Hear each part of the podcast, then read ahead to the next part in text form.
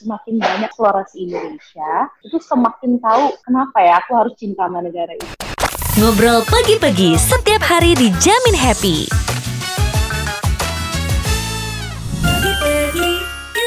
Hai Sobi Pegi, balik lagi dengerin suara aku, Devi Agustina, tentunya masih di podcast travel Ngobrol Pegi-Pegi.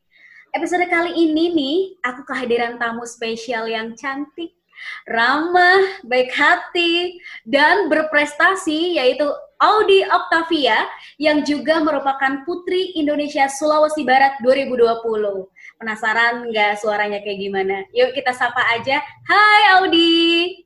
Hai Mbak Devi, hai semua sobi pergi. Ya ampun Audi, apa kabarnya kamu?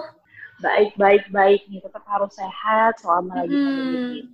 Ya ampun, aku lihat kamu di sosial media aktif banget, syuting terus, activity apalah. Bahkan kemarin aku bener-bener kaget ngeliat, wah Audi nih muncul di TV jadi kontestan, bilangnya kontestan atau apa nih? Atau perwakilan Finalis, atau apa? finalis. Oh finalis, finalis. Putri, Putri Indonesia. Oh my God, bangga banget. Kenapa bangga? Karena Sobi Begi tahu nggak sih, aku pernah traveling bareng sama Audi ke Wakatobi.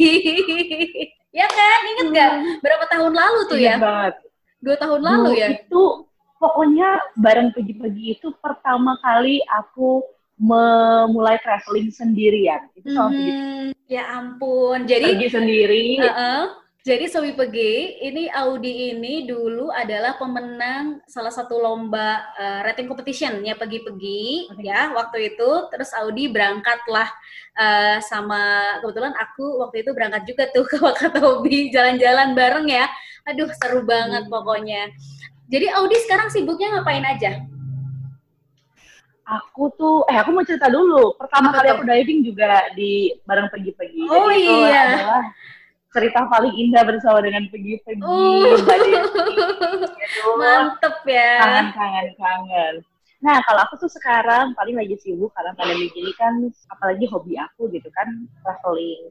Semuanya ke pending karena pandemi, jadi kalau sekarang, kemarin aku baru saja menyelesaikan karantina Putri Indonesia tahun 2020, jadi aku finalis Putri Indonesia, dan aku perwakilan Putri Indonesia dari Sulawesi Barat. Tapi sebelumnya, aku juga adalah seorang putri selam, aku runner-up Putri Selam Indonesia 2019.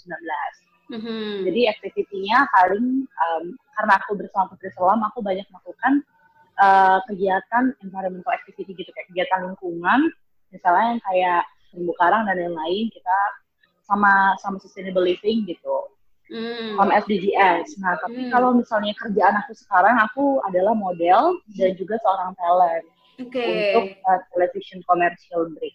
Yes, benar. Karena aku juga sering banget lihat kamu di beberapa iklan di YouTube, bahkan sponsor konten. Kalau pas lagi nonton channel-channel. YouTube-nya siapa, muncullah si Audi ini. Jadi ini Sobi Pegi, Audi ini memang sangat multi talented kan. Dia juga sarjana hukum, host juga, talent juga, ik apa pemain di iklan beberapa brand. Keren banget lah pokoknya. Bahkan Audi ini adalah finalis Putri Indonesia 2020. Gitu. Kece banget kan Sobi Pegi. Nah, ini kan tadi Audi udah ngejelasin nih backgroundnya seperti apa. Sobi Pegi pasti udah nggak penasaran kan?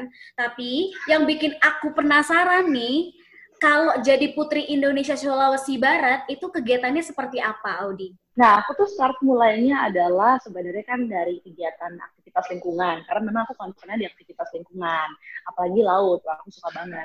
Nah, akhirnya waktu itu ada kesempatan aku memang sering bolak-balik Sulawesi Barat untuk diving. Kesempatan di sana aku pakai untuk promosi pariwisata. Sebenarnya awal mulanya aku hanya membantu Sulawesi Barat untuk mempromosikan pariwisata. Aku dipercaya, selain aku punya saudara di sana, aku akhirnya dipercayakan untuk membawa Sulawesi Barat nih yang provinsi kecil ini untuk uh, di ajang nasional. Jadi aku juga bilang, ayo Pak, kita berkompetisi sama uh, provinsi lain yang potensi, soalnya punya kita potensi pariwisatanya nggak kalah. Jadi akhirnya waktu di Sulawesi Barat ya pekerjaan aku itu promosi pariwisata uh, di atas dan di bawah, misalnya kayak underwater, di bawah laut, ataupun potensi pariwisata atau alam, tentang alam. Dan uh, kalau di Jakarta sih aku lebih banyak isi-isi seminar, kalau untuk pekerjaan yang sebagai uh, speaker atau public uh, public figure-nya, Tapi kalau sisanya sih uh, lebih banyak aku sih datang ke kayak pulau-pulau kalau lagi traveling jadi sekalian. Mm-hmm. Oke, okay, menarik banget. Jadi jalan-jalan sekaligus juga mempromosikan pariwisata, ya kan? Mm-hmm. Sekaligus juga bekerja, ya nggak sih? Iya. Komplit banget. Bareng-bareng. Mm-hmm, bener. Ini ini sebenarnya adalah profesi yang uh, mungkin banyak diimpikan oleh uh, orang-orang ya, apalagi orang-orang milenial maunya kerja sambil jalan-jalan, ya kan? Benar-benar. Jujur aja sampai pergi, ya kan? Iya. Oke, oke, okay. okay, Audi, kita masuk ke uh, pertanyaan inti nih pertanyaan pertama yang uh, pengen aku tanyakan adalah gini Audi, ini kan momennya Agustus ya kan? Ini momen kemerdekaan Indonesia. Kalau menurut Audi, apa sih arti kemerdekaan Indonesia ini? Jujur ya, semakin banyak eksplora, eksplorasi Indonesia, itu semakin tahu kenapa ya aku harus cinta sama negara ini karena negara ini kayak kaya banget dan sedih banget kalau di zaman dulu kita pernah dijajah, dieksploitasi sama negara lain. Jadi menurut aku kemerdekaan adalah ketika kita bisa atau mampu mensyukuri apa yang negara kita punya. Kalau kita udah punya perasaan seperti itu, menurut aku sih kita udah kayak merdeka dari tekanan tekanan misalnya negara lain, bisa, atau pengaruh negara lain maksudnya, tekanan pengaruh negara lain. Jadi kemerdekaan menurut aku adalah uh, prinsip yang mengetahui uh, betapa bersyukurnya kita lahir di negara ini. Hmm, benar banget, setuju sih, benar. Karena kita harus mencintai Indonesia dan dengan bersyukur ya, ya nggak sih? Apa yang hmm. udah kita dapetin, kita udah tinggal di negara yang seramah ini, orang-orangnya ramah, yes, makanannya banyak banget ya kan, yang enak-enak. Aduh, pokoknya itulah Sebi Pegi. Setuju sama yang tadi Audi bilang. Oke, lanjut ke pertanyaan selanjutnya nih, Audi. Jadi kan peringatan Hari Kemerdekaan Indonesia ini adalah salah satu hmm. bentuk upaya supaya kita senantiasa mengenang jasa para pahlawan kita, ya kan? Nah, tapi arti dari pahlawan zaman dahulu nih sama arti pahlawan zaman sekarang itu kan pasti beda, ya nggak sih? Nah, kalau sekarang kita bisa jadi pahlawan dengan seperti apa nih menurut Audi? Kalau menurut aku sih selalu berpikir gini, uh, the reason aku ngambil kuliah hukum adalah pengen jadi minimal pahlawan untuk orang-orang sekitar aku ngambil sekolah hukum ya waktu itu. Hmm. Um, tapi pada akhirnya ketika aku ngelakuin kegiatan lingkung, aktivitas lingkungan, terus banyak traveling, aku mikir kayaknya saat paling mendasar kita bisa jadi pahlawan itu adalah menjaga. Apa pun kita jaga, jaga family kita, jaga keluarga kita maksudnya, jaga um, kepercayaan orang dalam pekerjaan kita, terus kalau bisa nih jaga di mana di mana pun kita berada misalnya jaga tempat di mana pun kita berada terus jaga apa pun yang menjaga tuh menurut aku bagian dari kita sudah bisa jadi pahlawan buat diri sendiri gitu Oke, okay, menarik banget nih Sobi Pegi. Nah, jadi kan uh, kalau menurut aku nih ya Audi, uh, menjadi hmm. pahlawan sekarang, apalagi sekarang lagi pandemi ya. Jadi menjadi yeah. pahlawan sekarang itu gampang banget sebenarnya. Gimana nih caranya? Satu, perhatiin protokol kesehatan. Itu udah jadi pahlawan Bener. banget. Kenapa bisa dibilang jadi pahlawan? Perhatiin protokol kesehatan dengan pakai masker misalnya, ya kan? Kita menjaga diri kita dan orang lain, ya nggak sih? Yes. Supaya mereka tetap sehat, ya kan? Itu nih arti pahlawan sekarang tuh bisa sesimpel itu daripada kalau dulu uh itu lebih susah ya berperang angkat oh, senjata oh, iya. ibaratnya aduh berjuang mempertahankan hmm. gitu-gitu kalau sekarang tuh menjaga diri sendiri supaya Betul. sehat menjaga lingkungan kita menjaga keluarga kita supaya healthy hmm. malah sekarang orang lebih simpel ya cuman karena orang sekarang lebih mikirin diri sendiri supaya sehat malah cuma diri sendiri aja kita nggak harus jaga orang lain gitu hmm, ya. Dimulai dari diri sendiri. Dimulai hmm, dari diri. Betul. Nah, gimana nih kita nggak cinta sama Indonesia ya, Audi? Indonesia hmm. ini kan tadi yang seperti kita bilang nih sebelumnya, kaya banget akan kulinernya, ya kan? Budayanya, bahasa, pesona alamnya, hmm. ya kan? Indah banget. Nah, kalau Audi ini suka Indonesia dari sisi apanya? Tadi itu sih, aku setiap pergi tuh aku suka banget. Kayak waktu kita keluar ke merasa nggak sih mbak kalau orang-orang di daerah uh, Sulawesi baik banget. Aku pergi ke. Nusa Tenggara Timur pun baik banget. Mm-mm. Terus aku pergi ke Sumatera pun baik banget. Jadi aku kalau ditanya suka apa, suka orangnya.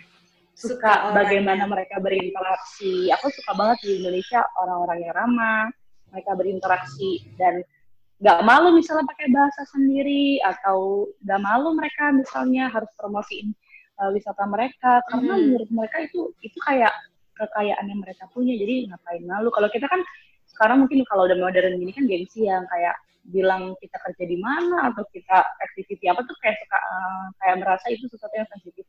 Kalau di sana kan mereka open banget tuh, Iya, mereka betul. baik banget, mereka kalau bisa bantu bantu gitu. Mhm. Jadi aku suka orangnya sih kalau sejauh ini ya Mhm. sama pasti pesona alam Oke, ngomong-ngomong soal pesona alam nih. Jadi ini kan kita ngomongin soal pesona alam, otomatis kita ngomongin soal pariwisata Indonesia, ya kan? Nah, boleh dijelasin nggak? Karena Audi kan ini Putri Indonesia Sulawesi Barat 2020. Boleh nggak dijelasin seperti apa nih gambaran pariwisata khususnya di Sulawesi Barat? Nah, aku seneng banget kalau uh, kita lagi ada sesi tentang pariwisata karena memang pariwisata Indonesia pun itu menurut aku adalah kayak mutiara yang sangat berharga di dunia. Nah, Mhm. tapi kalau karena kan mungkin uh, bentuk negara kita nggak begitu besar kayak benua atau negara-negara lainnya kan, jadi kayak masih tersembunyi banget. Nah, kalau sekarang tuh yang Sulawesi Barat yang menurut aku itu sekarang aku mau jelasin dulu Sulawesi Barat adalah provinsi ke-33 di Indonesia. Yang kan kita 34 provinsi, berarti dia provinsi kedua terakhir. Provinsi yang uh, baru memecahkan diri daripada Sulawesi Selatan. Pasti banyak orang kalau ditanya, dibilang Sulawesi Barat di mana ya, di mana ya? Kalau aku bilang Makassar pasti tahu. Tahu Makassar nggak? Tahu. Mhm. Tapi di Sulawesi Barat ini per- uh, pecahan dari Sulawesi Selatan. Kenapa aku merasa uh, pariwisata di sini bagus banget? Pertama, ketika dia pecah sama Sulawesi Selatan, Sulawesi Barat ini tuh dapat bagian yang paling bagus dan strategis untuk pariwisata. Mhm. Contohnya dia dapat laut yang bagus, gitu kan Sulawesi, Sulawesi Selatan kan di bawahnya itu di Sulawesi bagian bawah yang bagusnya, Mhm. yang agak sedikit jauh dari pusat kota. Kalau Sulawesi Barat itu benar-benar berpapasan antara bukit-bukit dan laut, jadi dia dapat Oke. gunung, Mhm. dapat laut, gitu. Menurut aku kan komplit banget kan. komplit. Terus dia Mhm. dapat dapat yang seperti bentuk tebing-tebing gitu-gitu. Jadi menurut aku itu komplit. Cuman karena provinsi sangat kecil, jadi banyak atau jarang-jarang orang yang tahu. Terus selain itu tuh Sulawesi Barat, eh, ketika dia memisahkan diri sama Sulawesi Selatan, bagian budayanya, terus yang kayak warisan warisan budaya, terus sama kayak aktivitas-aktivitas budaya itu eh, yang dapat itu Sulawesi Barat. Misalnya kayak aktivitas festival kapal layar Sandek. Kapal layar Sandek itu kapal layar kapal layar tradisional yang menggunakan angin layar gitu, Mhm. itu tercepat di dunia. Dia pernah ditemukan sampai Madagaskar. Dan itu yang punya orang Sulawesi, tapi Wow. bu- orang orang Mandar. Mhm. Terus aku mikir kayak, kayaknya memang benar-benar mereka ini semuanya di Sulawesi Barat ini uh, benar-benar dari backgroundnya juga pelaut, mereka punya potensi laut yang bagus, yang ada ikan layang Indosiar cuman ada di daerah sana. Terus banyak banget yang aku cuma temuin, wah ada satu tempat itu nama di daerah Majene, itu Pantai Dato, itu bentuknya hampir mirip kayak Nusa Dua, Bali. Oh. Sangat mirip kayak gitu Mhm. tapi kok kok ada di sini gitu ya tapi yang tahu hanya masyarakat masyarakat sekitar gitu Mhm. jadi sebenarnya di sesi-sesi apa pun aku selalu bilang eh, Sulawesi Barat itu nggak kalah sama provinsi lain cuma memang harus lebih kita harus lebih cepat mengejar Mhm. eh, untuk promosi pariwisata supaya orang tahu gitu pertama kali aku kalau nggak salah menang bikin review itu Sulawesi Barat di pagi-pagi bikin eh, aku kan bikin blog story Mhm. ya kan nggak aku yang aku uh, fotoin Pulau Karampuang ternyata Uh-uh. waktu aku diving di bawah Pulau Karampuang itu aku nemuin banyak spesies yang spesies uh, laut gitu ya aneh kayak spesies-spesies laut yang ternyata itu kan kalau misalnya di Bali mesti cuma ada di satu tempat atau dua tempat. Mhm. tapi di di Sulawesi Barat itu ada. Jadi waktu itu aku pernah ngomong sama warga aku bilang kalian harus bersyukur loh di sini ada spesies laut itu namanya eh, pik, pik, pik apa gitu. Jadi dia kayak kuda laut tapi Mhm. sangat sangat kecil. Nah itu tuh susah banget dicari. Tapi di sana tuh ada. Terus aku bilang kalian harus bersyukur di, di bawah tuh ada penyu ada kuda laut yang langka gitu gitu jadi akhirnya mereka oh ternyata daerah aku kaya banget ya sama Mhm. potensi potensi pariwisatanya ada bagus nah sekarang paling kita lagi di tahap ke Sulawesi Barat ini aku bersama pemerintah dinas pariwisata apalagi sangat mendukung aku untuk bantu uh, ngobrol ke masyarakat yuk yuk yuk kita jaga potensi kita jangan lakuin bom ledak lagi mm-hmm. jangan lakuin penangkapan liar lagi supaya Sulawesi Barat jadi uh, lebih baik dan punya potensi pariwisata yang nggak kalah sama tempat lainnya. Oke. Nah, ini Audi ngomongin soal Sulawesi Barat, aku pun jadi penasaran banget pengen ke sana. Nah, misalnya ke Sulawesi Barat, destinasi mana nih Audi yang wajib banget dikunjungin? Nah, masalahnya sih kan di Sulawesi Barat ini kita butuh pesawat kecil. Nah, biasanya aku kalau tergantung kebutuhannya apa. Kalau misalnya pergi ke sana, kalau aku mau diving, aku harus naik maskapai yang hmm. aku bisa bawa alat diving, itu dapat free bagasi selain 20 kilo itu biasanya aku naik Garuda atau biasanya uh, tapi aku kurang tahu ya, Citylink mungkin ya aku pernah bawa untuk bagasi untuk barang-barang olahraga itu aku -hmm. bisa banget pakai pakai uh, Garuda tapi kita harus lanjut lagi ke Mamuju ibu kota Sulawesi Barat menggunakan pesawat kecil yaitu Garuda Explorer ataupun misalnya uh, itu Lion Air kalau nggak salah gitu. Cuman kan kita harus bawa barang sport kan. Hmm. Nah, tapi kalau aku cuma hanya ingin pergi biasa, kita bisa juga uh, turun di Makassar. Semua okay. pesawat yang rutenya ke Makassar melakukan perjalanan darat selama satu jam. Nah, hmm. selama perjalanan itu kita bisa berhenti di mana aja, misalnya yang kayak daerah maju. Kita punya kayak beberapa daerah yang punya potensi bagus. Misalnya Mamasa itu ter, uh, terkenal dengan kopinya, kopi Mamasa. Nah di daerah Mamasa juga itu lumayan dingin, dia mirip Toraja. Nah, kalau misalnya di Majene, itu dia ada kayak pantai yang aku bilang tadi, seperti bentuknya kayak Nusa Dua. Itu Pantai Dato. Mm-hmm. Top destination area Sulawesi Barat tadi ada Pantai Dato, Mamasa. Kalau mau cobain kopi yang um, enak, terus ada lagi Pulau Wali Mandar. Itu dia laut yang mau bentang luas. Itu mm-hmm. kalau mau lakuin kegiatan berla- uh, melaut atau naik kapal, itu bisa di sana. Mm-hmm. Kalau mau diving ada namanya di ibu kotanya langsung di Mamuju namanya Pulau Karampuang. Tapi setiap uh, wilayah ini aku ini aku bilang sangat keren banget. Mm-hmm. Sulawesi Barat ini kan kalau semua provinsi belum tentu ya mbak ya punya punya kayak ciri khas unik misalnya kainnya, entah kain tenunnya, mm-hmm. atau enggak punya kayak uh, produk-produk hasil dari setiap uh, kabupaten gitu kan. Yeah. Kalau Sulawesi Barat ini lima limanya dia punya lima kabupaten, lima limanya tuh unik ya ada yang hasilin kopi, ada yang hasilin coklat, terus ada yang uh, ngehasilin kain tenun tertua hmm. salah satu kain tenun tertua di dunia itu adalah kain tenun Sekomandi hmm. itu kain tenun juga punya gak nggak kalah sama Nusa Tenggara ya kan Nusa hmm. Tenggara kan paling hits banget kan kain tenunnya kain tenun punya terus tadi kopi juga punya potensi alam punya jadi kalau menurut aku kayak di sana selain kita bisa traveling kita bisa coba semuanya kopinya atau hal yang unik dari tiap wilayah. Jadi menurut aku sih yang sangat worth it untuk jadi uh, Sulawesi Barat jadi tujuan berwisata adalah apa yang ada di dalamnya tuh semuanya bisa dieksplor. Oke, aduh mantep banget jadi pengen banget ke sana nih aku. Aduh, tapi kalau sekarang nih mau ke Sulawesi Barat musimnya lagi musim apa nih Audi? Kalau misalnya uh, Sulawesi Barat itu mengikuti iklim Indonesia yang pada saat ini juga sama. Misalnya kalau sekarang kan dari September sampai Desember biasanya kan hujan. Nah, misalnya juga hujan. Nah, tergantung kalau misalnya liburan ke sana mau kuliner, bisa banget kan nggak nggak terpengaruh ya. Mm-hmm. Nah, tapi kalau misalnya liburannya mau ngelakuin aktivitas diving atau mau ngelakuin aktivitas uh, outdoor, nah itu kan bermasalah. Apalagi kalau hujan kan bawah air laut tuh pasti jadi sedikit butek ya, jadi sedikit kurang clear gitu. Iya, betul. Kalau diving biasanya nggak rekomend sih di bulan-bulan segitu, di bulan-bulan hmm. ini. Pasti di bulan dari kayak Januari hmm. mungkin, ada Februarian sampai sekitar bulan Juni yang direkomendasikan. Okay. Ke bukan cuma Sulawesi Barat tapi ke tempat-tempat yang bisa ngelakuin diving atau snorkeling. Yap, oke okay, oke. Okay. Nah, tadi kan Audi sudah sempat ngejelasin ya profesinya uh, yang membedakan tuh apa. Jadi banyak banget. Provinsi kecil tapi kaya banget akan potensi yeah. pariwisatanya. Oke. Okay. Nah, Audi, jadi kan sebelum pandemi ini tren traveling meningkatnya pesat banget. Bahkan beberapa tempat wisata bisa dikatakan overload, ya kan?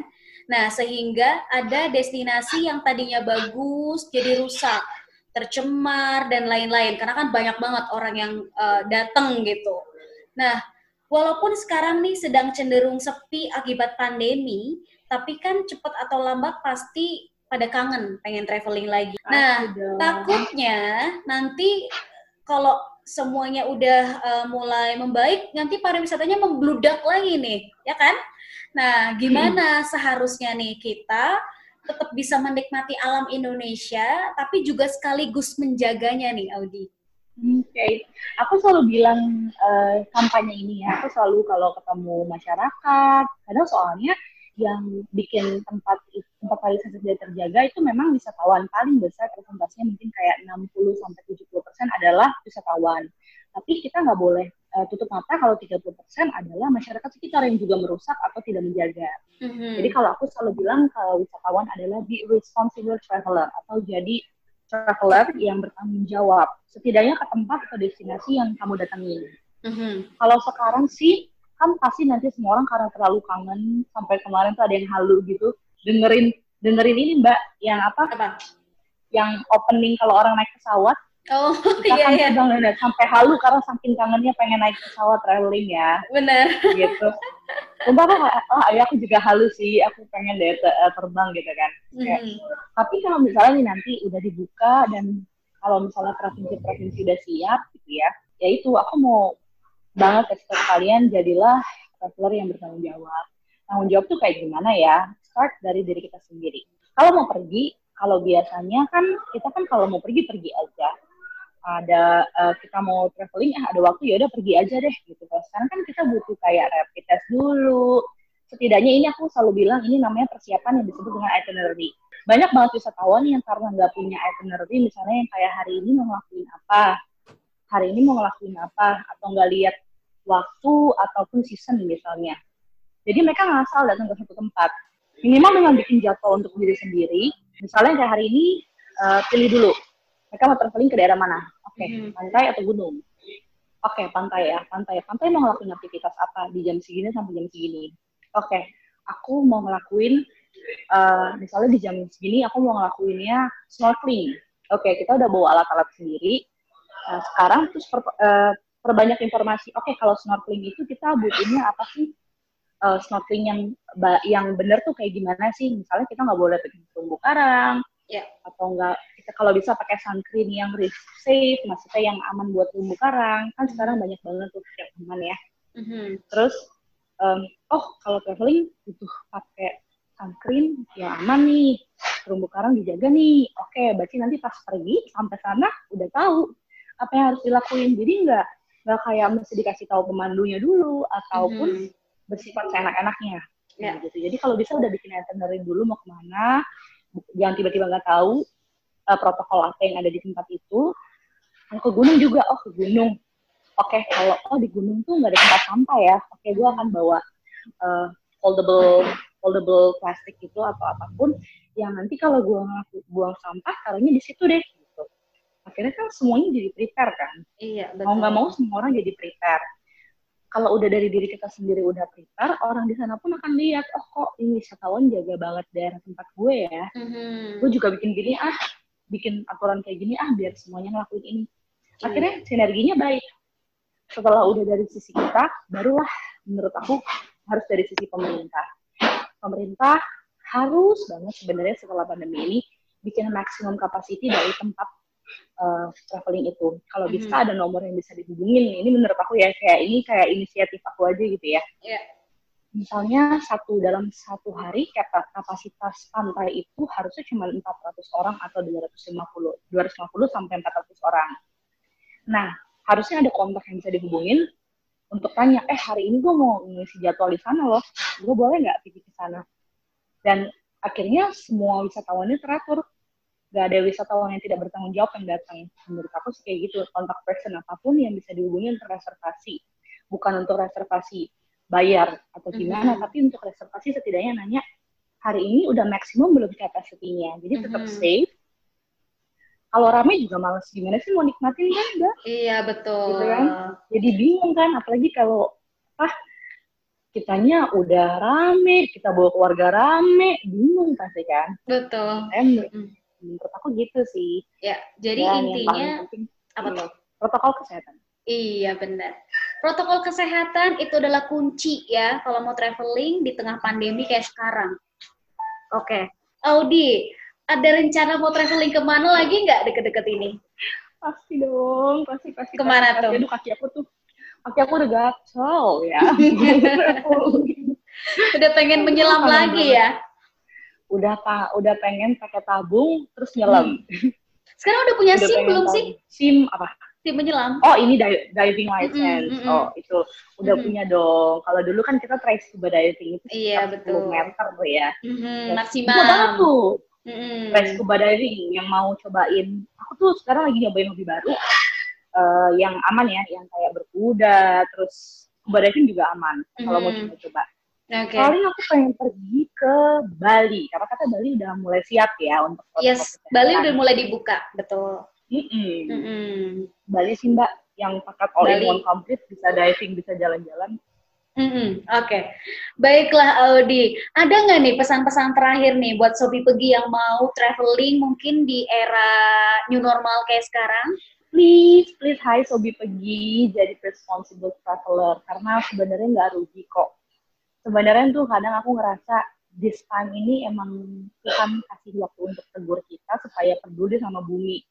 Supaya, karena beberapa hari aja kemarin kita ada di rumah, bumi makin sehat gitu loh. Nah, Mhm. kita balik lagi traveling, kalau bisa jaga bumi ini atau jaga tempat um, pariwisata yang kita datangin dengan sebaik mungkin dimulai dari kita sendiri kita sendiri.